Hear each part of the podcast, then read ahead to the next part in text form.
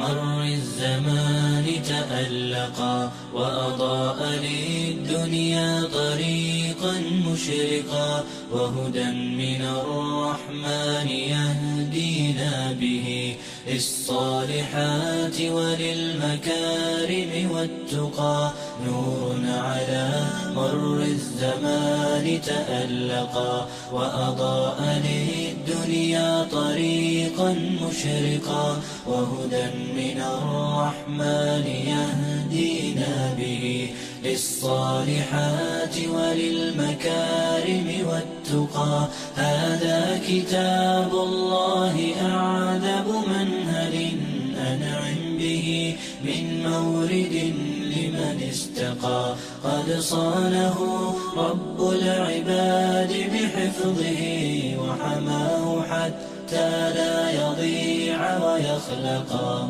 طوبى لمن حفظ الكتاب بصدره فبدا وضيئا كالنجوم تألقا وتمثل القرآن في أخلاقه وفي الحمد لله رب العالمين sala allahu waslama wbaaraka calaa nabiyina xabiibina moxamed ibni cabdillaah khaatami alambiyaai walmursaliina wacala aalihi waasxaabihi alkiraam waslama tasliima kaiira allahuma anfacna bima callamtana wacallimna cilma yanfacuna wazidna cilma walxamdu lilaahi cala kulli xaal wanacuudu billahi min xaali ahli naar suuradda boqol iyo toddoba suuratulmaacuun makiya wa aayaatuhaa sabcu. Waa suuradda ara'ayta ama suuratulmaacuun waxay tilmaamaysaa islaamku inaanu ahayn keliya afka. Iyo ashahaado iyo odhaah qura. Laakiin ay laga maarmaan tahay in la hagaajiyo xidhiidhka ilaaha iyo ka ummadda labadaba. Waa diin ka turjumaysa nolosha. Quruxda badan ee qof yeelanayo ama qaramadu yeelanayaan raabidada iyo xidhiidhka addoonku ilaahay la leeyahay. Mid daacadnimo ku salaysantee wey? Daacadnimo ku salaysan. Xidhiidhka addoonku walaalihiisa kale uu la leeyahayna waa inuu yahay mid naxariis ku salaysan. Idan markaa waa diintii naxariista iyo cadaaladda iyo daacadnimada. Bismi illaahi araxmaan araxiim ara'ayta waxaad ka warantaa nebi maxamedow aladii munaafiqa yukadibu biddiin qiyaamada beeniyey iyo abaalmarinta fadaalika kaasi aladii kii weeye yaducu suxulka ku dhufanaya deedifaynaya ama riixaya alyatiima agoonka walaa yaxudu mana dhiiri gelinayo calaa dacaami lmiskiin masaakiinta in wax la siiyo fa weylun halaag lilmusalliin kuwa tukanayuu halaag u sugnaaday ama qaybo naareed leh alladiina kuwaasoo hum iyagu can salaatihim salaadoodiibay saahuun ilowsan yihinay ka dhaceen oonay u feejignayn alladiina waa kuwii hum iyagu yuraa'uuna dadka istusayey wayamnacuuna waxay diidaan almaacuuna adeega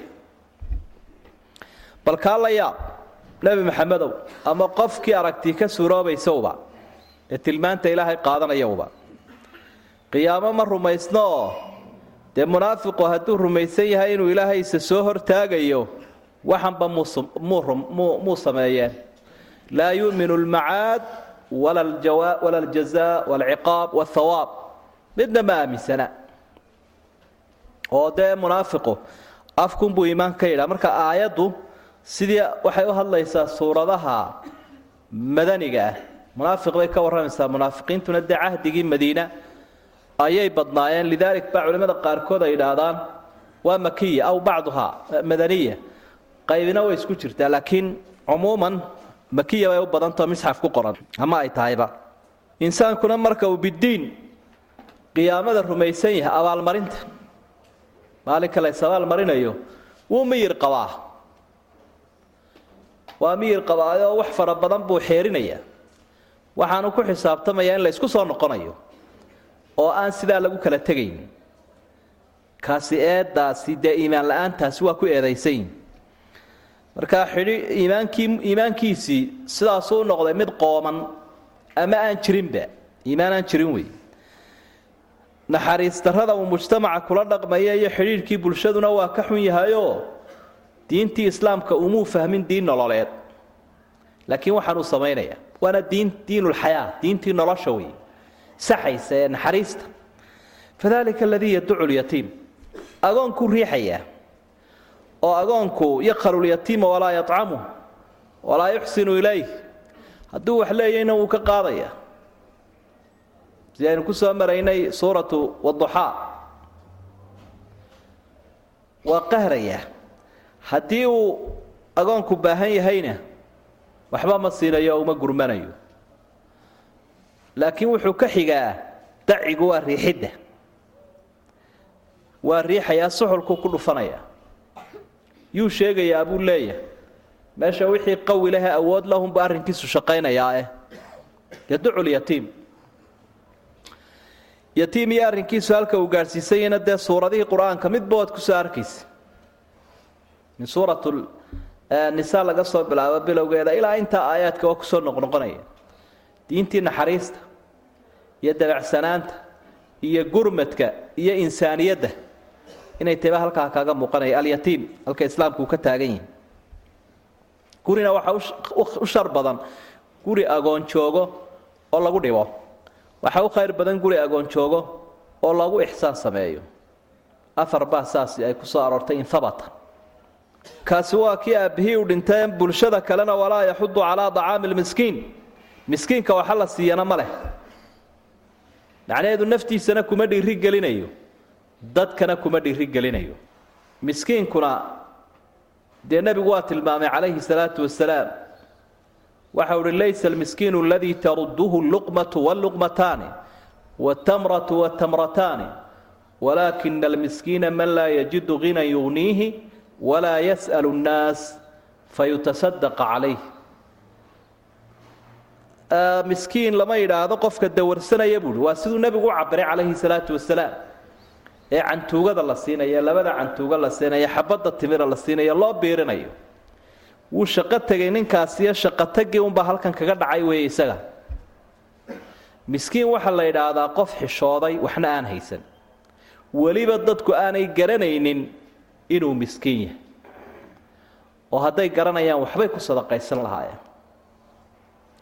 Waa kaa rabbi subxaanahu wa tacaala dee aayaadka ku sifaynaya le yaxsabuhum اljaahilu aghniyaaa min atacafuf tacrifuhum bisiimaahum. Waa kuwa le laa yas'aluuna annaasa ilxaafan. Xadiidka iyo aayadda ayaa isfasiraya. Qofka jaahilkii waxaabuu moodayaaba akhniyaa inay yihiin dad maal leh min atacafufi dhowrsoonaanta daraaddeed. Dadkiina laa yas'aluuna annaasa ilxaafan sucaal ii dhiiba keena keena ma leh. Kuwaasibaa markaa miskiinka dhab tahay waa kaa. Aayadda iyo xadiidkuba ay tilmaameen iyadoo qofkan kale ee saa'il baa la idhaahdaa kan isagu dadka wax weydiisanaya oo isaguna saa'ilkaasina xaqiisuu leeyahay. Waxaa se habboon mar walba nusuusta in la isla akhriyo. oo rasuulka ilaahay sala allahu calayhi wasalam waxa uu ka hadlay masaajidadu inay leeyihiin ixtiraam gaar ah. Wuxuu uhi qofkaa maqashaan isagoo masaajidka dhexdiisa wax ka yaboohinaya waxaad tidhaahdaa laa raddaka allaahu laa raddaha allaahu laka ilaahay waxa aad yaboohinayso kuuma soo celiyo alla kuma siiyo. Qaar waxa arkay adduunyada ayaa arkay buu leeyahy alla kuma siiyo dha habaara. Qofka a aragtaan isaga oo wax ku iibinaya masaajidka dhexdiisana ilaahay faa'iide kuma siiyo dhah. Ilaahw aanad ka macaashi lidaalik baa culimmadu ay leeyihiin masjidka wax ma laga weydiisan karaa? Oo saa'ilkii suuqa joogay masaajidkii wax ma la iman karaa? Mar haddii nusuustaasi ay masaajidkii u diiday buuqii iyo qayladii iyo kala macaashkii iyo wixii. Qayb badani waxay ku tegayaan maya. Oo sidaa yaboohdii loogu diiday sidaa iibkii loogu diiday saasumaa loogu ogolayn kii adduunyo kordhisanayana. Shawaaricda haa qaarkoodna waxay leeyihiin markuu yahay qof bakhtiyaya caadaystana aan ahayn dee waa loo gurman karaa. Markaa kolley taasina waa xaalad khaasa weeye. Oo masaajidku dee wuxuu leeyahy ixtiraamkiisa gaarka ah. Oo berigii nabiga calayhi salaatu wasalaam dhaqan may ahayn masaakiini intay kacaan ay ka yabohsadaan masaajidka dhaqan may ahayn. Shawaaricda iyo meelahaasaa lagu siin jiray oo maaragtay lagaga warrayn jiray walaa yaxudu calaa acaami lmiskiin marka qofkii laba waa midun bulshada islaamkee baahan inuu isagu wax siiyo iyo haddaanu waxba haynin inuu yidhaahdo ha la siiyo oo ha la caawiyo hebelo wax ku tar. Taasi waa taasoo xidhiidhkii ijtimaaciga ahaana sidaasuu u xumaaday. Gurma degdega ma leh. Fawaylun lilmusalliin aladiina hum can salaatihim saahuun. Iimaan xumadii cibaado xumadu munaafiqu ku daray tar tukanayaa ayaa halaag le baa ilahay bal aan tukanayn ka warran isagu. Kii tukanaya baa lagu ui halaag buu leeyahay ka aan kubkiisaba wayse marinin. Ee salaatii la odhan jiray xaggeedaba aan u kicin. Dee kan waa ka sii fog yahayba isagu? Isagu waa halaagsamay qad halak saabiqan dar tukanayaa halaag leh oo ilaahay naarihiisa uu gelinaya waana aladiina hum can salaatihim saahuun. Salaadoodiiba ilowsan yihiin khushuucdeediiba ayay ka ilaaween. Waxay ka ilaaween wakhtigeedii. Wayba ka tegeenba. Waa kuwan ilaahay uu tilmaamo aladiina hum yuraa'uun macnaa salaada qiimaheedii may siinin hadday tukanayaanna dadka ayay istusinayaan. Waa munaafiqii weeye. Waxa uu lahaa caطaء bnu dinaar alxamdu lilaahi aladii qaal can salaatihim saahuun walam yaqul fii salaatihim saahuun ilaahay baa mahad la yidhi can salaatihim oo aan odhanin fii salaatihim dee cantuna waa tarkiya fiiduna waa can tufiidu tarkiya walmujaawaza waa fii tufiidu darfiya. Waxay tilmaamaysaa cantu dee way kaba tegeenba. Wakhtigeeday ka saaraan way dayacaan salaad ma ilaaliyaan. Hadday tukanayaanna dee ka istusnimo u tukadeen ilaahay u tukani dee uma tirsana salaadaas. Laakiin way way nagu cuslaan lahayd buu leey haddii ilaahay odhan laha aladiina hum fii salaatihim saahuun. Oo dee mid waloo inaga midaba sahwi in waa ka dhacaya. Nebigi ilaahay buu ka dhacay calayhi salaatu wasalaam ama khushuucduba way naga yaraataa salaada dhexdeeda. Marka intaasaynu ku baxsannay buu leeyahy idan markaa salaaduna de waa halka ugu adaga addoonku ugu qiimaha badane ilaahay uu kula xidhiidhayo subxaanahu wa tacaala. Telefoonada iyo taararka iyo xidhiidhka ugu culus markuu addoonku dirayo waa markaa isaga hortaaganya ilaahay ee ula khitaabayu leey iyaaka nacbudu wa iyaaka nastaciin. Adiga ayaan ku caabudaynaa gargaarkaa doonaynaa ihdina siraad almustaqiim. Ilaahay buu la hadlaya marka maaha inuu meel kale ka shaxo. Isma qabato inaad ilaahay hortaagan tahay iyo inaad xawilanta telefoon baa xawilan soomaad maqal. Luqada casrigaa markaynu ku hadalno dee haddaad xawilan waa musiibo. Adigiyo ilaahay hortaagan baad haddana xawilanta ama waa inaanad ka dhiganinba salaadii fursad aad dukaanka iyo bakhaarka ku xisaabisa iyo sharkada oo intan yar halkan aad soo gashay tobankaa mirir haddaad dhakada wax aad kaga xisaabiso kaga dhigataba oo fursad aad uga dhigato waa musiiba iyana alkhushuucu fi salaa waa baab gaara. Waa miisaankeeday leedahay waa dhuuxii salaada aladiina hum yuraa'uuna istusnimadu waa waxa camalku buriya. Camalku saalix ma noqdo haddii ay istusnimo gasho waa shirkigu nebigu lahaa calayhi salaatu wasalaam ummaddan waan uga baqaya. Waa istusnimada. Waxaad qabanaysaba ilaahay un eeg inuu ilaahay ku eegayuun ogow maxaad u ogtahay cid kaleba? Cid kaleood waxu ogtahay ma jiro kol hadduu ilaahay kuu ogyahy warkaagu waa dhan yahay. Waxaana macruufa camalka markaad u niyooto istus ilaahay wuu qariyaa. Camalka aad qarisana ilaahay baa muujiya inta aad doonayso waabaad helaysaaba haddaad ilaahay iska dhista xaggiisa. Wayamnacuuna almaacuun xidhiidhkii bulshadu sidii buu xun yahay haddii ay dadkii ducafada agoontii iyo masaakiintii iyo aanay u gurmanin munaafiqiintu xidhiidhka jaarka iyo deegaankana kuma fiicno oo naxariis ma leh. Wasadaqa allah ilaahay baa run sheegay dee maanta waddamada gaalada dadka degay baa garanayee? Qofku wuxuu ka odhanaya gaalkan waanu jaar baanu ahayn shan sannadoodoo araggiisumaan marmar arkaa. Weligay gurigayga muu gelin ana maan gelin isma naqaano. Tafaasiil kale ma leh way kala qufulan yihiinoo xidhiidhkan iyo gurmadkan iyo xaal ogaanshahan. Waxa keena iimaankaa keena. Nebigu calayhi salaatu wasalaam wuxuu ihi jaarka wuu ii dardaarmay malagu ilaa uu ku celceliyey oo uu ku celceliyoon moodayba inuu dhaxalka wax ka siinayo jaarku dhaxalka wax ku leeyahy jaarku waa qofka jaarku marka uu wanaagsan yahay waxa weeyaan waa min alxayaati asaciida arbacun min asacaada rasuulka ilaahay wuxuu leeyay sala allahu calayhi wasalam afar waxay ka mid yihiin nolosha saciidada ahee wanaagsan. Waa guri wanaagsan iyo gaadiid wanaagsan iyo gabadh wanaagsan iyo jaar wanaagsan buu nebigu uhi calayhi salaatu wasalaam intaaba haddii kulaylkaada kulmana dee meeshaba waad ka firdhan. Haddii jaarkii kululaado islaantiina ku durmato gaadhigiina quuf noqdo kullu daalik. Maxaa markaa jira waaya gurigiina mid cidhiidhiyahoo dee jaarkiisu xun yahay. Marka waa noloshaad iyo jeer asaasiyaadkay ku taagantahay nebigu calayhi salaatu wasalaam isagaa inoo sharxa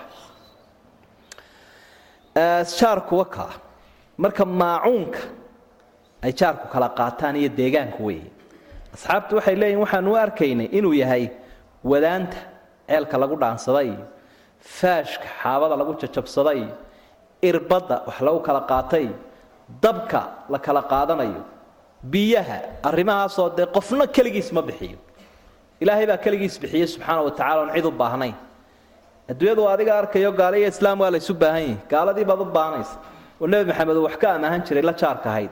Yuhuuddii buu wax ka amaahan jiray rasuulku sala allahu calayhi wasalam marka insaanku waa madaniyun biabcih wa xadaari. Maaha dee mid cidla joogahoo duurjooga ma laakiin dadku way isu baahan yihiin oo way isku wada nool yihiin oo waa isku wada tiirsan yihiin xaqiiqada dhabtiina waxa weeye marka jaar wanaagsani jiro xigtadaada uma baahnidba kaa durugsan. Geeri iyo nololtoona dee waa laga yaabaa inaadan uga baahnayn waxaad u baahnayd oo dhan jaarkanaa kula qabanaya. Marka jaar alla yaqaanahoo miyir qaba waxaa lagu helayaa dad muslimiin oo diintooda ku toosa wayamnacuuna almaacuun. Adeegu waa kaa weeye waxyaabaha la kala qaato. Nebiguna wuxuu ku soo ururiyey kullu macruufin sadaqa. Wax kasta oo wanaagood ummadda u samayso arrin iyo adduun iyo aqoon iyo awood iyo alaab waxaad ummadda u samaysaaba waa wada sadaqo. Suuratu alkawthar makiya wa aayaatuha alaa suuradda boqol iyo sideed waa suurat lkawthar aayadaheeduna waxa weeyaan waa waa saddex waa suurat lbaqara cagsigeeda suuraddu. Oynu uga jeedno suuradda qur'aanka u dheer bay muqaabilkeeda tahay.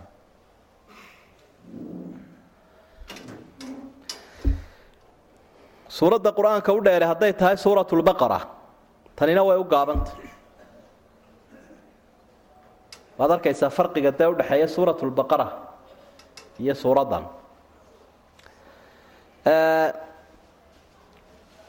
Waxa suuraddu ay ka warramaysaa nebi maxamed calayhi salaatu wasalaam oo ilaahay uu ka xil qaaday jawaabtii odhan lahaa.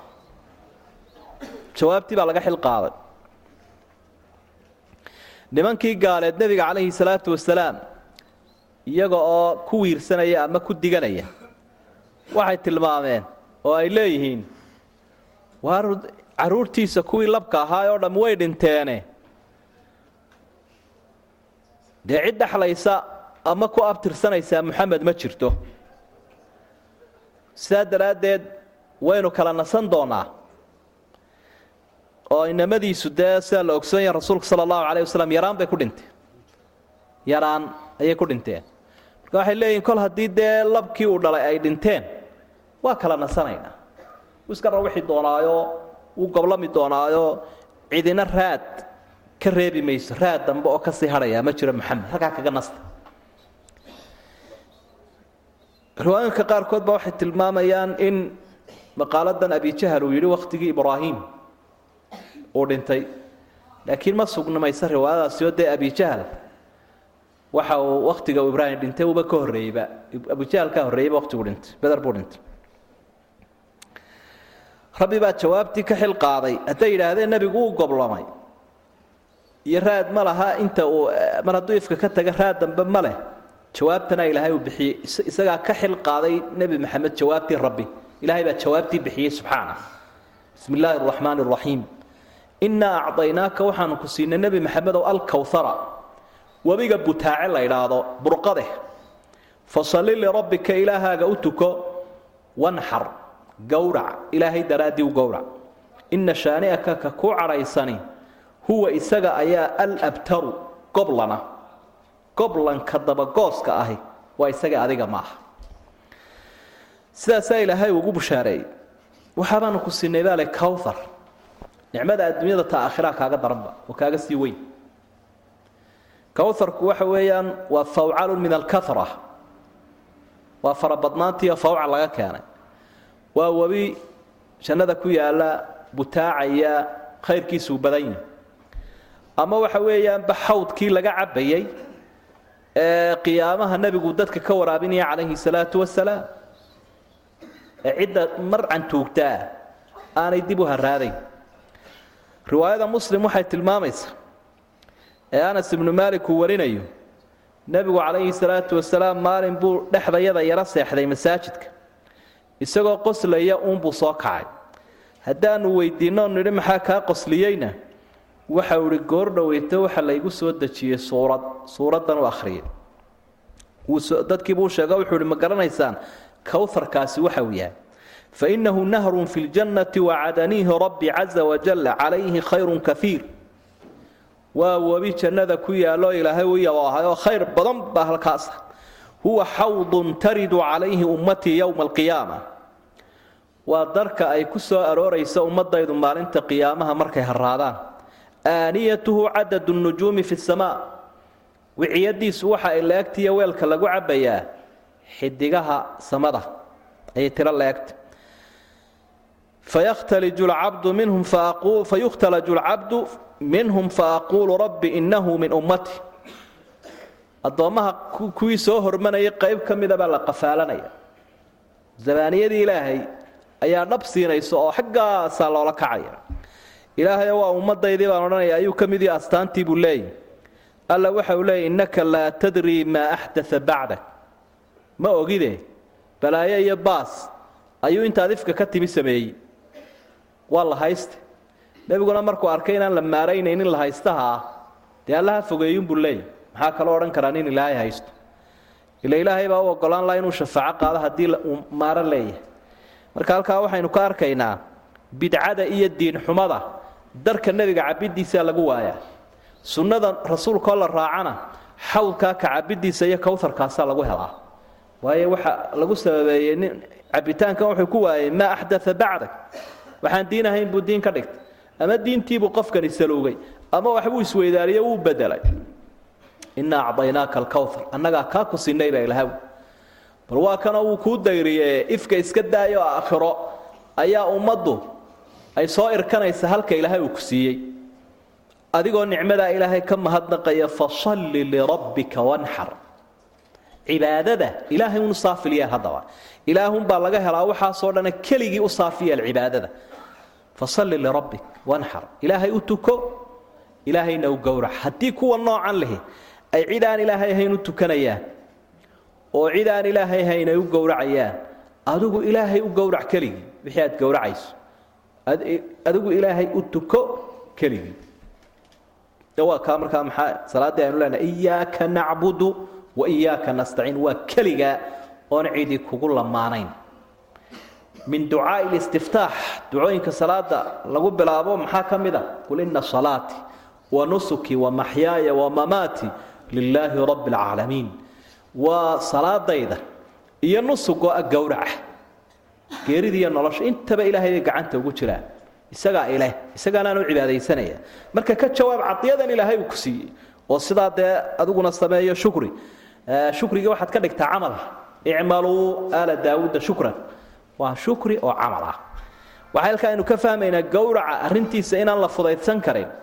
Mar waloo wax la gowracayaba waa in bisinka ilaahay maraya. Bismi hadduu bisinkii qofku ogaan uga tagana dee waata culimo fara badan ay ku tegayaan gowriciiba inaanu ansixinba hadduu ogaan uga tegay.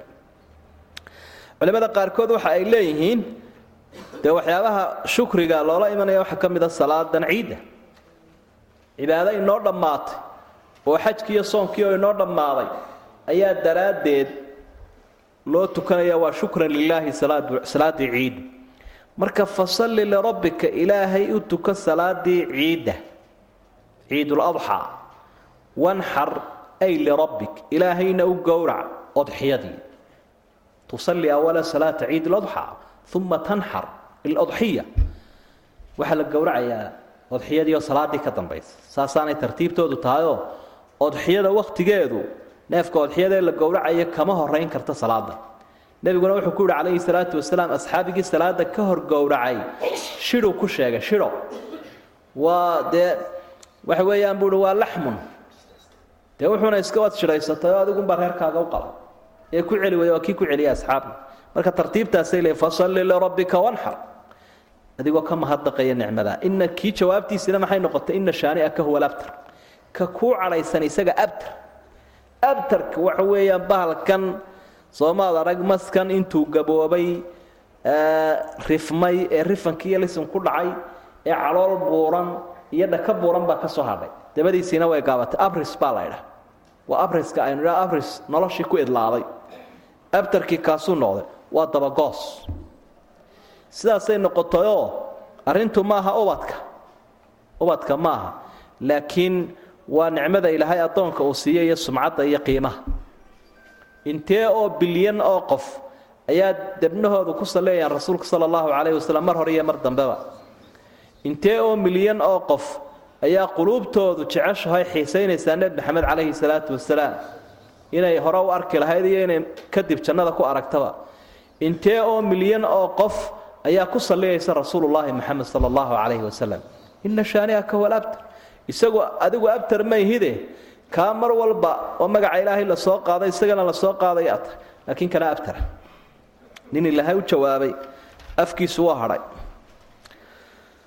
suurat lkaafiruuna makiya makiya wa aayaatuhaa situn bismi illaahi araxmaani araxiim qul waxaad tidhaahdaa nebi maxamedow yaa ayuha alkaafiruun kuwan gaalada ahow laa acbudu ma caabudayo maa tacbuduuna waxaa caabudaysaan walaa antum idinkuna ma ihidin caabiduuna kuwa caabudaya maa acbudu waxaan shaygaan caabudayo.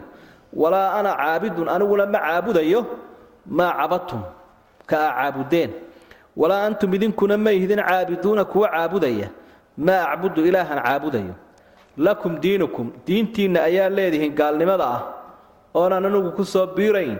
Weliya diin anigana diintayda islaamka ayaan leeyahay haddaad diiddeenaan ku adagahay suuraddan iyada ah oo runtii nebiguna calayhi salaatu wasalaam uu ku akhriyi jiray ragcadaha sida daa witriga ta hore iyo ragcadaha dawaafka iyo sida saxiixu muslim ku sugan waxa ay leedahay fadli oo rasuulku sala allahu calayhi wasalam habeenkii marka uu qofku seexanayo ama uu nebiguba seexdo ayaa uu seexanayaabuu akhriyi jiray waayo waxa ay noqotay ka beri noqosho fa innaha bara'atun min ashirk waa qofkii oo shirkigii ka beri noqday. Waa adigoo ashahaatay oo ku soo khatimay socdaalkaagii iyo shaqadii maalidintii towxiid ku soo khatimoo kale u dhigantaa markaa suuraddan akhrido. Marka waa qur'aanka la akhriyayo iyo wardiga la akhriyayo wakhtigu marka markuu qofku sii seexanayo. Suuradda sida ka muuqanaya macnaheeda rasuulka sala allahu calayhi wasalam waa ka beri noqosho uu ka beri noqonayo kufri iyo kaafir nimankii gaaleed nebigay la hadleenoo waxay ku yidhaahdeen in badan baynu murannay. Haddii la murmana waa la soo dhodhoweeya arrimaha. Waxaanu jeclaan lahayn mar inaad ilaahaaga kula caabudno mar adiguna aad kuwa yagana la caabuddo mar diintaada aynu ku wada dhaqanno marna taayada. Dee aan daalacnaasilna bay dhaha waa la daalacnaasila arrimaha waa la isku celceliyaa. Waataynu ku soo marayna suuratu annuun suurat wadduu low tudhinu fayudhinuun. Waxay jecel yihiin low tudhinu inaad soo yar subkanto ood soo yar debacdo iyaguna ay soo debcaan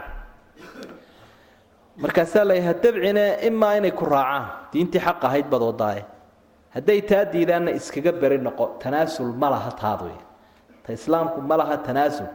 Iyo in la iyo barax la isku barxo. Ta ka soo horjeeda midna ma leh waxaa markaa halkaa ka muuqanaya maxaa iyaga iyo rasuulka u dhaxeeya? Ama maxaa gaalada iyo islaamka u dhaxeeya? Dee waxa u dhaxeeya mabaadi sugan oo haabita oo xaqahoo ay ku qanacsan yihiin oo ay iimaansadeen baan jirin. Taasaa waxay keenaysaa inuu qofku ceerceeri karo. Iminka gaalku hadaad laga yaabaa inuu ku idhaahdo dee waabaan iska ashahaadanba haddaynu xafladan wada tegayno ama halkaa wada marayno ama hadiyadda aad siinayso ama inantiina adii guurinayso dee dhibba male waan iska ashaadanba kolkuu dabeetana hawshiisaa fuliyo. Ayuu haddana odhanayaa dee anuu kiristan baan ahay. Haddana xaggan kale u kacaya haddana xaggan kale u kacaya mabda' sugan oo qofkii uu leeyahay ma jiro leannahu muqtanic baanu ahayn waxuu ku qanacsan yahay maaha waa wuxuu ku qanacsan yahay baanu ahayn. Laakiin qofka muminkii waanu ku nool yahay waanu ku dhimanayaa mabdihiisa qofka muminkaa waxaa lagu yaqaanaa inuu yahay saaxibulmabda mabda'an xaqa ah ayuu ku taagan yahay. Watawaasaw bilxaqi watawaasaw bisabri caduu calayha binnawaajid caduu calayha binnawaajid gowskaasu iskaga adagya awal. Halkaasaa lagu ogyay oo gaal iyo islaamba ay ku ogyiin oo loogu soo hagaagaya. Oo lagaga tegaya marka suuraddu saasay tilmaamaysa waa midhka laga doonaya dadka muslimiinta ah. Dadka inay ducaat ila allah ay dadka diinta islaamka ugu yeedhaan ila iyagaa sida dawadii diintan furqaaneed ee nebi maxamed lagu soo dejiyey calayhi salaatu wasalaam waa tii nasakhday diimihii kaleo dhan iyadaa nasakhday rasuulkuna waa khaatamu lambiyaa walmursaliin xataa ciise bnu maryam calayhi salaam markuu soo baxo aakhiru zamaanka qur'aankeennan wax ku xukumaya oo karooskana uu ka tuuri doonaa kufaarta. Waxa ay adhiga ka dhigteena doofaarkana waa kalayn doona sida xadiidka saxiixa uu tilmaamayo. Isagoon rasuul ahayne ciise abuu imanaya oo waxyigan iyo qur'aankan ummadda ku dhaqayo oo hirgelinaya. Sida axaadiidta saxiixa ay tilmaamayso marka dawadii innaga ahayne waxay ahayd dadka in loola gurmado oo la gaadhsiiyo. Halka maanta adduunyo iyo shaxaad iyo mucaawano iyo waxaa lala taagan yahay. Waxay ahayd dadka muslimiintii marka ay yihiin dad ku sugan sunnihii nebi maxamed oo hadyigiisii ku dayanaya inay noqdaan diin iyo dunyaba dadka caalamka iyagu kuwa u fidinaya oo iyagaa marti loo yahay. Mid gaajaysan oo haraadan oo diin ka gaajaysan oo ka haraadan intaa dunyo la daba cararaysa adigu tan gaadhsii nasiib daraday ka mid tahay hadday dadku maalqabeen yihiin iyo hadday mas'uuliin yihiin iyo baabkaa lagalama hadlaba. Mid yimid oo soconaya ama hay'ad ha wato ama wafdi ha ahaado arrimaha diinta miyaa lagala hadlaa? Oo la yidhaahdaa war hebel miyaad socotay? Wadan hebel baad ka timid? Bal yaro fadhiiso oo wax loo sheegaa ama waxu sheegi ama cid waxu sheegta loogu yeedhaya. May haynagu taabanin halkaa halkaa inaga daaya diin iyo siyaasad bay keen diin iyo dunyaynu kala waran. Marka almuhimtaasi waxaa ka muuqanaya halkaa oo uu caddaynayaa baahidaas ay dadku qabaan in loola gurmado hadday diidaanna waa mufaasala in laga beri noqdo wey. Laakiin islaamku ma aha wax dee sida cinjirka la kala jiijido kolba dhan loo kaxeeyo. Oo waxaan waatay doonayaan gaaladu markanay had iyo jeer diyaariyaan waxaan la yidhaahdo musaadaqa aladyaan iyo muwaafaqa bayn aladyaan in diimaha la iswaafajiyo. Oo la yidhaahdo muyuuca dadka lagu beeraya. Mabdooda xaqay ku adag yihiin baa tarayrhka laga dabcinaya. Waxaa loo dha mushkiladiba ma jirtee kani waa yuhuudi kana waa kristan kana waa musline. Isku midun baaba tihiin wada diinun baaba leedihin wada ilaah keliyun baaba wada caabudaysaan. Mid walibana rasuulun buu leeyahy de maxay idinsu qabsanba? Wax laysu qabsadoo loo murmaaba? Ma jire dee ilaahay iyo rasuulkiisuun mid waliba ha ku faylo dabeetana dee waa idinkaa marka waa la simayaa waxaa la doonayaa dadka muslimiinta in deebacsanaan lagu abuuro diintii islaamka ee xaq ahayd naasikhayd kuwa kale nasakhday ee jacburkee la isku daray baa la doonaya in taa darajo lagala dhigo. Rasuulkana sala allahu calayhi wasalam saasuu ilahay leeyahy waxaynu ka faa'idaysanaynaa kale qofku hadduu gaalnimadii caddaysanaya inaan looga turayn oo yaa ayuha alkaafiruun eraygaa ugu yeedh baabalay maanta caalamulislaami sida looga adkaadee dubbaha lagu dhuftay waxay marayaan in culimmadu qaarkood ay mimbarada ka yidhaahdaan dee yaan gaalow la odhan gaaladii islaamka yaan la odhanin ama hebel kaafirow yaan la odhanine ha la yidhaahdo muslimiina wa kayri lmuslimiin dadka muslimiinta iyo kuwaan muslimiinta ahayn oo kaafirka aha looga tudho waaya ilaahayna wuxuu leey lucina aladiina kafaruu min bani israa'iil. Kafaruu baa lale waa la nacday. Yaa ayuha alkaafiruun waaba lagu yeedhay yaa kaafir halkaasay maraysa. Soo celcelintan ilaahay uu soo celceliyu uhi laa acbudu maa tacbuduun walaa antum caabiduuna maa acbud. Waa qaybta hore. Qaybta dambena walaa ana caabidun maa cabadtu walaa antum caabiduuna maa acbud. Laba macnaa lagu fasiro qolo waxa ay leeyihiin culamaau tafsiir way is adkaynayaan. Oo kolka hore waxaa la yidhi anigu caabudi maayo waxaa caabudaysaan. Idinkuna ilaaha aan caabudayo caabudi maysaan tii unba haddana si kale loo dhigoo lagu soo celiyey oo ismi loo isticmaalay caabid. Kolka hore acbudu baa imikana caabid baa loo isticmaala.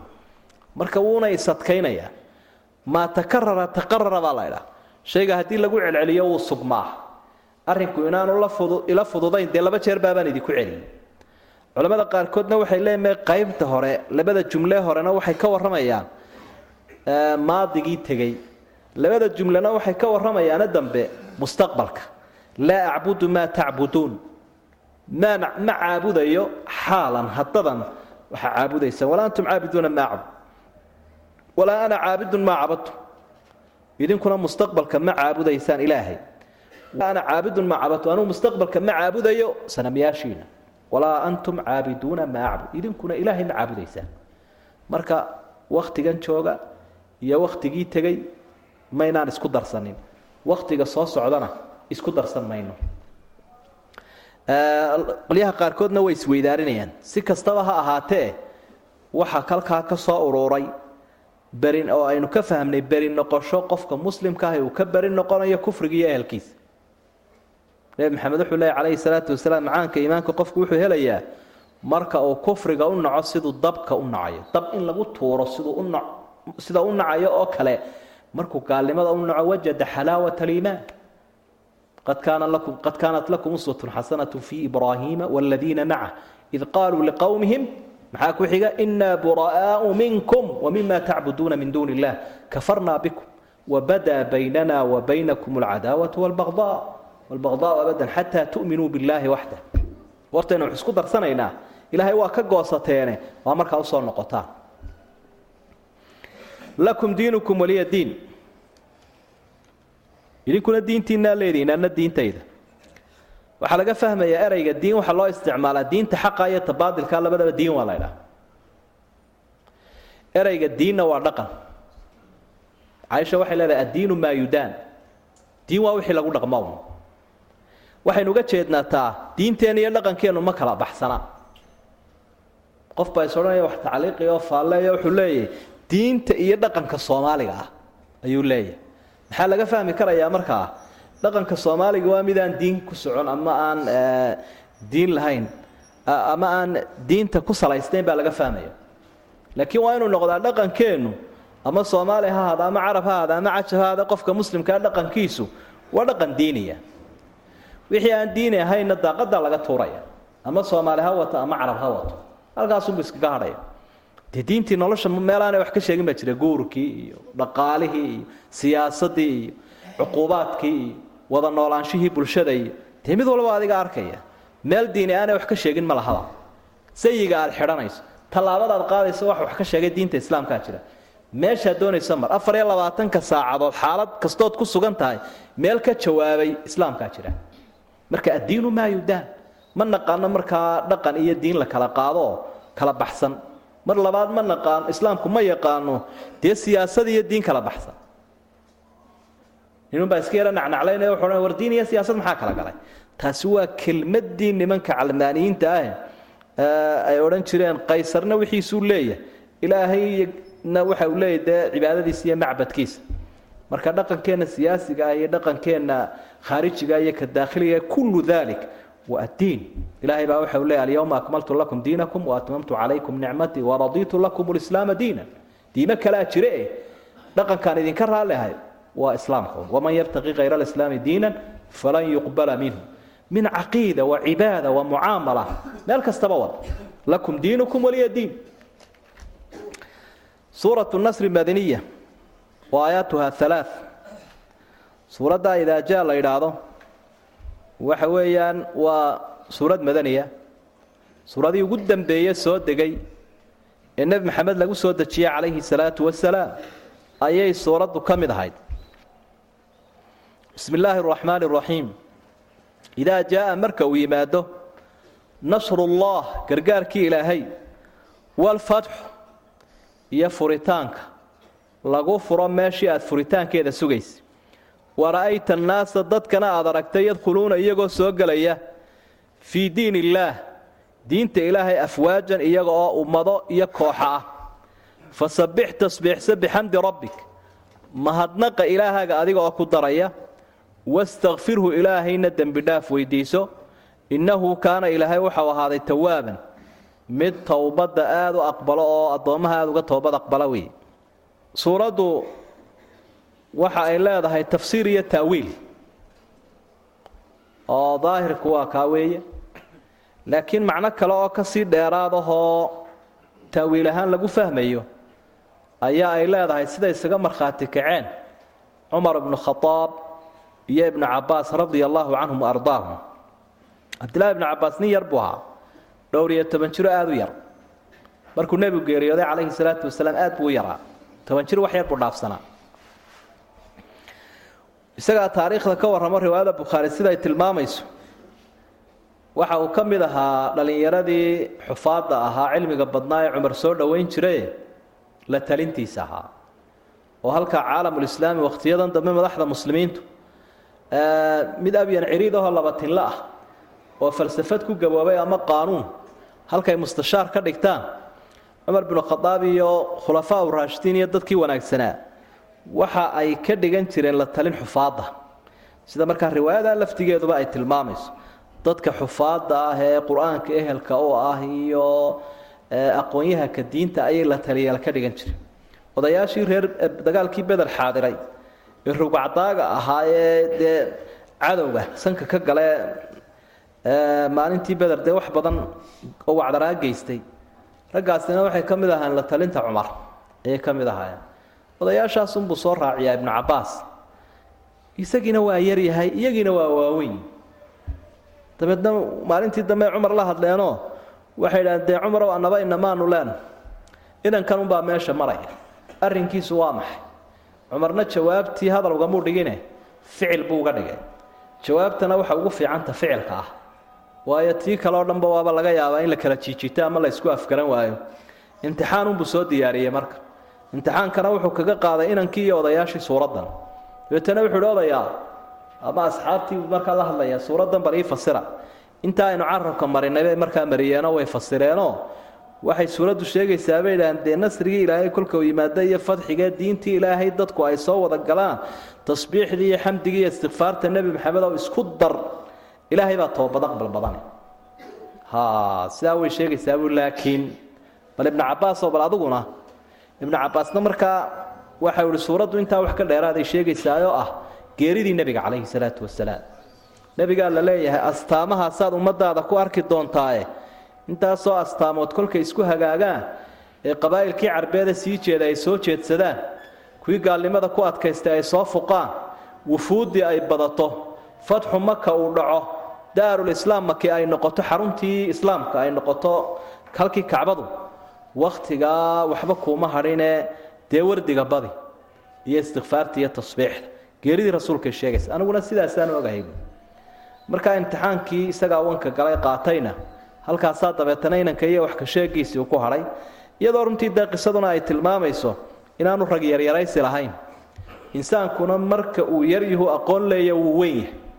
Markuu weyn yahay aanu aqoon lahaynna wuu yaryahay tacalam falaysa ilmar'u yuuladu caaliman waana kabiira alqowmi laa cilma cindahu saqiirun ida iltafat calayhi lmaxaafilu ana kabiira alqowm saqiir qofka markaa u weyn dadka meeshaa joogaa saqiir buu noqonayaa mid yar ida iltafat calayhi lmaxaafil meel maxfaloo wax sheegmo looga baahan yahay ama takhasus iyo cilmi looga baahan yahay marka la yimaado. Dee waxa weynaantii un qaadanaya kii wixii loo baahnaa sheegaya. Marka adigu almuhim iyadoo qofka weyne ixtiraamkiisa iyo qadarintiisa leeyahy ka yarina naxariistiisuu leeyahy marka sidaasay bulshada islaamku u tahay bulsho isu wadata taas waa mowduuc kale. Laakiin halkan macnahana way tilmaamaysaa suuraddu. Caaishana waxay leedahay berigii dambe nebiga calayhi salaatu wasalaam waxa uu badin jiray ereyga ah subxaana allahi wabixamdi astaqfiru llaha waatuubu ilayh kolkaasaa wuxuu odhan jiray ilaahay wuxuu ii sheegay ummadayda inaan calaamad ku arki doono astaamahan aayaadku ay sheegeen marka inaan dikrigaa badiyo istikfaarta xamdiga tasbiixda ayaa la ifaray. Saasuu odhan jiray rasuulkuna sala allahu calayhi wasalam waxaynu ka faa'idaysanaynaa halkan de haddii nebi maxamed la yidhi fasabbix bixamdi rabbika wastakfirhu innahu kaana tawaaban oo intaa ku wardi la yidhi adigii maxaad u malaynaysa isagii oo la yidhi kii hore iyo kii dambe waa lagaa dhaafay dee innaguna waa dhooban. Waxaynu wax badan baa inagu rasaysanaynu la rooraynaa dembiga. Marka goor walba inaynu istikfaarta aad iyo aad u badinno inaan ismacaashsiinin adigaa wadaada adigaa hebela adigaa caabud ahays odhan laakiin boqol jeer baan ilaahay dembi dhaaf weydiistaa buu nabigu leeyahy maalintii ilaahay dembi dhaaf weydiista taasaa wadankuna ku liibaan istikfaartu markay badato. Faqultu istakfiruu rabbakum inahu kana gafaaran yursil isamaa calaykum idraaran wayumdidkum biamwaalin wabaniin wayajcal lakum jannaatin wayajcal lakum anhaara. Dalkiibaa barwaaqo noqonaya dumarkiibaa wiilal wada dhalaya bilabaniin baa la sheegay soo maa beerihiibaa butaacaya oo webiyaashiiyo dadku waxay doonayaan oo dhan. Macnaheedu maaha in hablii laga soo horjeede. Dadka baniin gabadhii maxay dhashay? Wiil bay dhashay way ku farxayaan. Inantiina waa hibe ilaahay. Laakiin haddana waxaad doonaysaan khayr oo dhan ba wada heli doontaane. Istikfaarta istikfaarta taasina waa kolay dee waxaad ka akhriyi karaysaa kutubul adkaar. Ayaa aad iyo aad uga warramaysa. Waxaynu halkaa ka faa'idaysanaynaa kale suuradda wax lagu farxaabay te guusha muslimku gaadho haziimada iyo hoosu dhaca. Muslimiinta soo gaadhaana wax laga murugoodo wey waa dadka muslimiinta caalamka meel kastay joogaan waa inuu aaminaa qofka muuminkahay dad isku jidh keliya inay yihiin. Waa in la aaminaa waxaasoo xuduud ee maanta jira. Mid dhow iyo mid dheerba tii dhowaan buu sameeyey isticmaalku. Laakiin dadka muslimiinta ah cagtoodii galbeed bay taallaa cagta kale bari bay taallaa qalbigoodii halkaasu yaalla madaxoodii halkaasu yaalla waa jidhkaa caalamka ku kala baahsan. Marka guusha ay gaadhaan qaybi waa guul ay muslimku gaadheen haziimada iyo jabitaanka ku dhacaana waxa weeye wax laga murugoodo guusha ay gaadhaanna waa mid lagu farxayo aduguna ku farax idaa jaaa nasru llahi waalfatxu fatxigaasi waa fatxu maka fatxu maka weeye oo dee maalintaasaa wax kala baxeen sidii beder waxu kala baxeen baa maalintaana wax kala baxeen. Laa hijrata bacda alfatx qaxoonti dambe maka laga qaxayaa ma jira buui rasuulku sala allahu calayh wasalam maadaana midaara lislaam noqoto idaa jaaa nasru llahi walfatxu wara'ayta annaasa yadkhuluuna fii diin illaahi afwaaja dadkii ilaahayba dadkii baad aragtay iyagoo diintii ilaahay diintii kufriga maaha diintii dadka kala haysteen maaha waa fii diin illaah afwaaja ummado caamul wufuud ayaa jiray.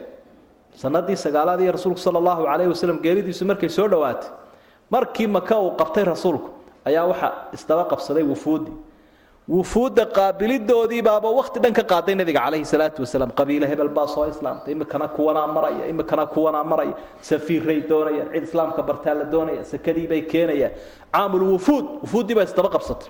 Fii diin illaahi afwaaja waxaad halkaa ka fahmaysaa xigmadan ilaahay ummadda islaamka uu u faray inay awood yeeshaan.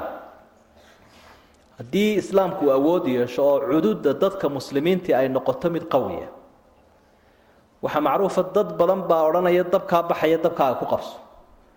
In fara badan baa iska soo hiibsanaysa oo iska soo islaamaysaba oo awooddaa soo eeganaysa markaa hore iyagoo ama adduundoona ama awooddaa soo garabsanaya ayay islaamayaan marka dambena iimaankoodii baa xoogaysanaya iimaankoodii baa xoogaysanaya taa waxaa daliilu sii ah markuu rasuulku geeriyooday sala allahu calayhi wasalam wax allo waxaanoo diinta soo galay oo dhammi way noqdeen. Carab way wada gaalowday. Marka laga reebo maka iyo madiine iyo in yaroo barigaasoo hajaro meesha la yidhaahdo ah maxay yidhaahdeen markaa dee islaamka awooddiisii hoos bay u dhacday? Nebigiina ka dhimayba dee maxaa kale jira? Abubakar sidiiq radia allahu canhu dee waa kii u biyeystay markaa. Waa kii u biyeystay awooddii udubada u iyadoo ragga qaarkood yar warwareegaya sida cumar iyo ihi wallaahi ninka salaad iyo seke kala saaray. Inaanan cagta u dhigayna hadduu ii ceesaan yar ii diido weerar baan ka xigaa. Sidii baa dabeetana ummaddii. Markay awooddii aragtay awooddii inaanay nebi maxamed la tegin kolka ay ummaddii aragtay ayaa islaamkii lagu soo noqday maanta dadka muslimiinta la harawsanaya hadday madaxa la soo toosaan. Oo halka america ku jirta un maanta ay galaan. Haye tii yare meelahan xashiishka taalla. Ayuunbay islaam waliba sarrifan lahay oo jeebka lagu wada sidan lahaa sidaa doolarka idan markaa kolkan ilaahay uu leeyahy ummadda islaamka uu la hadlayo iyagoo wada jira. Kooxa ma aha. Koox iyo qabaa'il iyo waxaa lagumala hadlaya markuu ilahay leeyahy waaciduu lahum ma statactum min quwatin wa min ribaati alkhayl turhibuuna bihi caduwa allahi wacaduwakum waaaakhariina min duunihim laa taclamuunahum allahu yaclamuhum markuu ilaahay taa sheegaya ummadda islaamku wadar ahaan ula hadlaya waxaasoo faa'iidaabaa ka soo bixira fasabbix bixamdi rabbika wastakfirhu innahu kaana tawaaban suurat lmasjid makiya wa aayaatuhaa khams bismi illaahi araxmaani araxiim tabbat waxaa halaagsantay yadaa abilahab ninka abilahab laydhaa labadiisa gacmood wataba dhammaantiiba wada halaagsamay maa aqnaa canhu waxba kama tarin maaluhu xoolihiisu wamaa kasaba iyo wuxuu shaqeeyey. Sayaslaa wuxuu geli doonaa naaran buu geli daata lahab oo holacu saaxiibo holcaysa wamra'atuhu afadiisiina naar bay geli xamaalat alxatab ee xaabada aada u guraysa fii jiidihaa qoorteeda waxaa ku sugan xablun min masad xadhig liif ahoo aada u holcaya ayaa loo gelin doonaa qoorta. Marka la naarayo nebi maxamed calayhi salaatu wasalaam ilaahay aayad buu ku soo dejiyey uu leeya waandir cashiirataka alaqrabiin xigtadaada u dig. Digniinta uga bilow dadka kugu dhow. Iyagoo dayacan ha dhaafi. Waayo waa waa waa gurmad. Kuwa kugu dhow baa u baahan. Sidaasuu dabeetana quraysh ugu yeedho jilib jilib oo ehelkiis iyo faadimuu baaqa u jeediy waxa uu fuulay buurtaa safa la idhaahdee kacbada agteeda baaq dheeroo kii cadowga marka dadka looga digayo baaqii lagu dhufan jiroo kale ku dhuftay. Digniintii waa lagu soo wada gug baa layidhi waar ma iga rumaysanaysaan haddaan idhaahdo karintan dhinaceedu cadow ka soo baxaya? Haa been kugumaanaan ogeyn. Innii nadiirun lakum bayna yaday cadaabin shadiid. Waxaan idinka digayaa buuhi cadaab aada u adagoo soo dhow. Mid abiilahab la odhan jiray oo rasuulka sala allahu calayhi wasalam adeeradiisa ka mid ahaabaa soo boodayoo waxa uu leeyahay tabban laka alihaada dacawtana tabban laka saa'ir alyowmi alihaada dacawtana. Allaha ku halaagay ma intaadii yarayd baad noogu yeedhay. Arrin cusub baanu moodaynay inaad keenaysee. Ma intaadii ashahaata iyo iyo aakhiradii aad sheegi jirtay ma intii unbaad la timi waanu naxno waxaanu moodnay in colaadi jirte. Nebiga calayhi salaatu wasalaam ilaahay baa jawaabtii ka xil qaadayoo shantan aayadood iyo suuraddan ayaaba loogu jawaabayba usro iyo qoys la sheegana oo qur'aanka lagu sheegana kuwani waa kuwii u liita dee qoyska waxaasoo dhan lagu hurgufa ilaahay subxaana wa tacaala u ka bixi.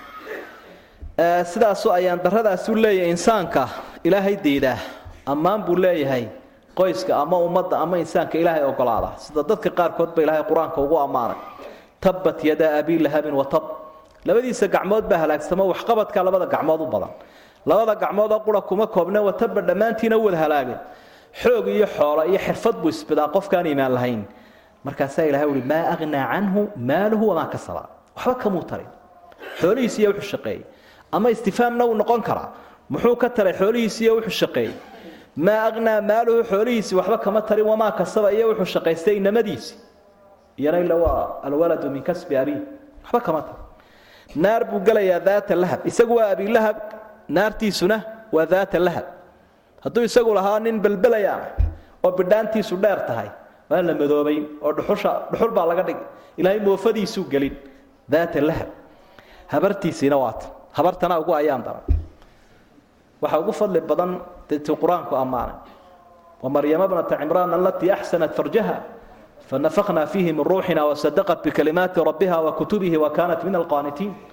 Midna saasuu ilahay u ammaanay midna waata dee dumarku tanna way ka feejignaanayaan. Taa maryamana raadkeeday ku dayanaya saxaabiyaadkii wamra'atuhu xamaalat alxadab xaabay guri wamra'atuna way gelaysaa naartaa xamaalat alxadab iyaduna xaabaday guri jirto markaa waa xaabadu nebigu ku kufaya calayhi salaatu wasalaam waxay soomaad maqal jalfis baa la dhigaa jalfis oo loo dhigaa dadka socda iyaduna hadday qodaxda bahalsha geesoolahayo geesoolu dadku waxay madaan dhowdhow la jaray laakiin dhowdhow lama gooye geesoolaha soo jaro qodaxda galoolka aynu inagu naqaano daalabta loo yaqaano iyo sida kidhigoo kale ah. Taasay soo guraysaa dabeetana banaanka waxay ku daadinaysaa nebigu marayo. Si uu heermo colaad yaryaris male. Maxaa soo hadhay? Maxay ula hadhay? Colaadda dumarka gashee cadowgu soo isticmaalaabaa ugu khatar badan imra'atuhu xamaalat alxatab xaabaday guraysa iyo qodaxa fii jiidiha xablun min masad. Qoortana waxa ugu jira xadhig liifahoo ilaahay baa u gelinaya qoorta. Baalkaa liifka haddii dab lagu qabto dee siduu u shidmo waad arki meeshuu ku dhego kama fuqayo. Waa liifaan bakhtiyayn baa qoorta loo geliyay suurat likhlaas makiya wa aayaatuha arbac. Suuradda qul huwa luum waa qur'aankii ku soo degay maka waana afar aayadood. Suuradaad u fadli badan weeye. Fadligeeda axaadiis badan baa ku soo arortay waxaa ka mid a xadiidka caaisha warinaysa bukhaari ku sugan. Nebigu calayhi salaatu wasalaam koox buu diray.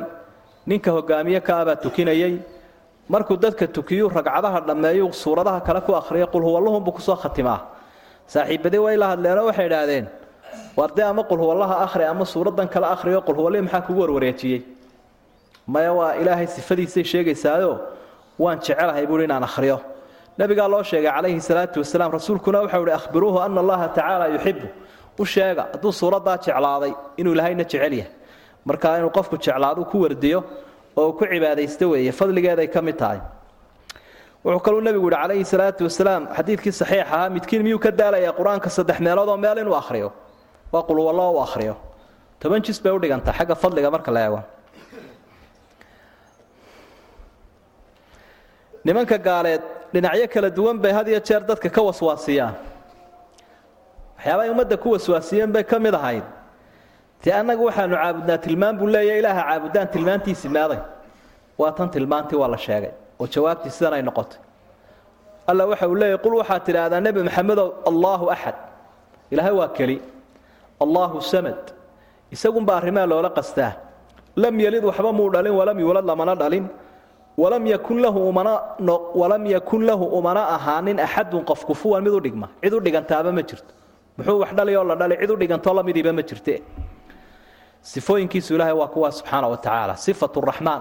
Ulu lqur'aan sida ay ku noqotay bay leen culimadu waxa weye qur'aanku saddex shay buu ka warramaa qaybi waa akhbaar qaybina waa axkaam qaybina waa ilaahay ammaantiisa iyo sifaadkiisa marka iyadu waxa ay u taagan tahay ay ka warramaysa ilaahay sifaadkiisii iyo ammaantiisa. Waa kale cidima soo lamaanayso.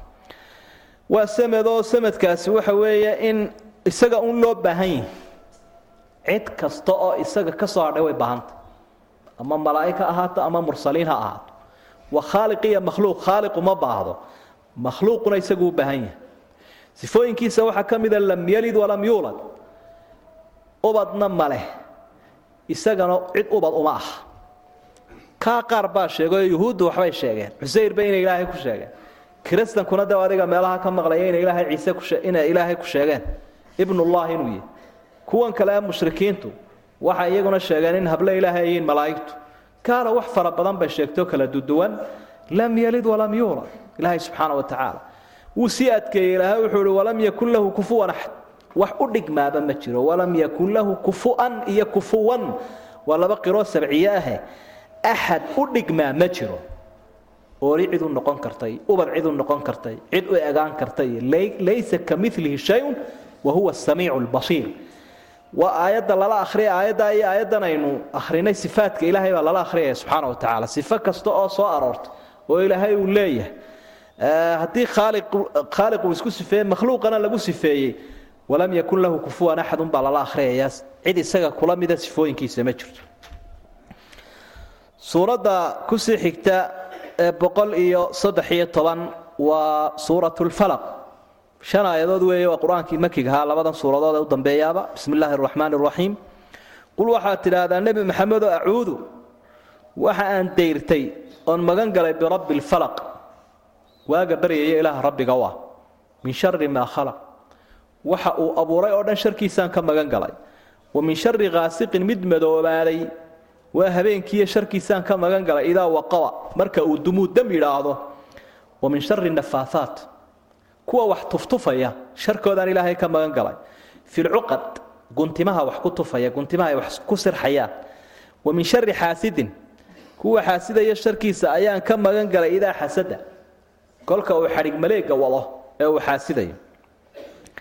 Nebi maxamed calayhi salaatu wasalaam nimanka gaaleed dee dhan walba way kaga soo wareegeen. Weliba nimankii la deegaanka ahaa ee yuhuudda ahaa inay gacan ku dilaan bay isku dayeen sidii ay maaragtay isku dayeen dhagax inay meel sare kaga soo ridaan rasuulku sala allahu calayhi wasalam ilaahay baa u sheegay oo ka badbaadiyey. Mar kale gaadiid bay ku eriyeenoo ay is idhaahdeen jar ka turo ilaahay baa u sheegay. Mar kale sixir bay u soo maleegeen. Qof shaqaalihiisaa bay yidhahdeen wax nooga soo qabo timihiisi iyo fidhinkiisi iyo waxyaabuu ku feedhanayo. Fii mishtin wa mishaatatin wa jufi dalcati dakarin taxta raacuufa. Waxbaa la isku hagaajiyey oo la sirxay sixirkaasi waa yar saameeyey nebiga calayhi salaatu wasalaam. Ilaa uu xoogaa dareena. U keenay oo mararka qaarkood la arkay isagoo maydhanaya. Oo moodaya inuu xaaskii u tegey. Wax se dadka kale siduu dhaawac ugu geysta uguma geysan nebiga calayhi salaatu wasalaam. Arrinka kolkuu ahaa ilaahay baa doonay inuu rasuulkiisa daweeyo. Ilaan bashar buu ahaa basharkana wixii ku yimaadaa waa ku imanayay nebiga calayhi salaatu wasalaam bukaanku ka mid ahaa laakiin faa'iidooyinkaynu ka hadlay ka mid ayay arrin ka mid yihiin suuradahan. Waxaabii lagu daweeyey bay markaa ka mid ahan labada suuradood. Labadana ilaahay uu soo dejiyo u akhriyay nebigu calayhi salaatu wasalaam kaannamaa nushita min ciqaal waxaa la moodayay uu rasuulku tilmaamay in xadhig laga furay markaa. Kolkiiba wixii uu dareemayaa ka ba'ay rasuulka sala allahu calayhi wasalam wax jiray ahayd qisadaasi waa waa sugantay. Waxaa ilaahayna uu soo diray malaa'igtii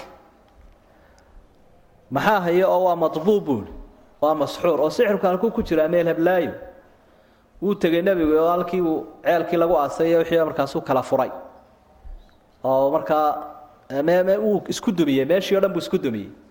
Markii nebiga le maxaad u kala furi weyden inaga daabuli aan la arkin oo dadka qaar baa laga yaaba inay naqshada ka xadaan ka koobigareeyaan halkaaso wixii marka la soo qufo dabeetana ay isku nabaan.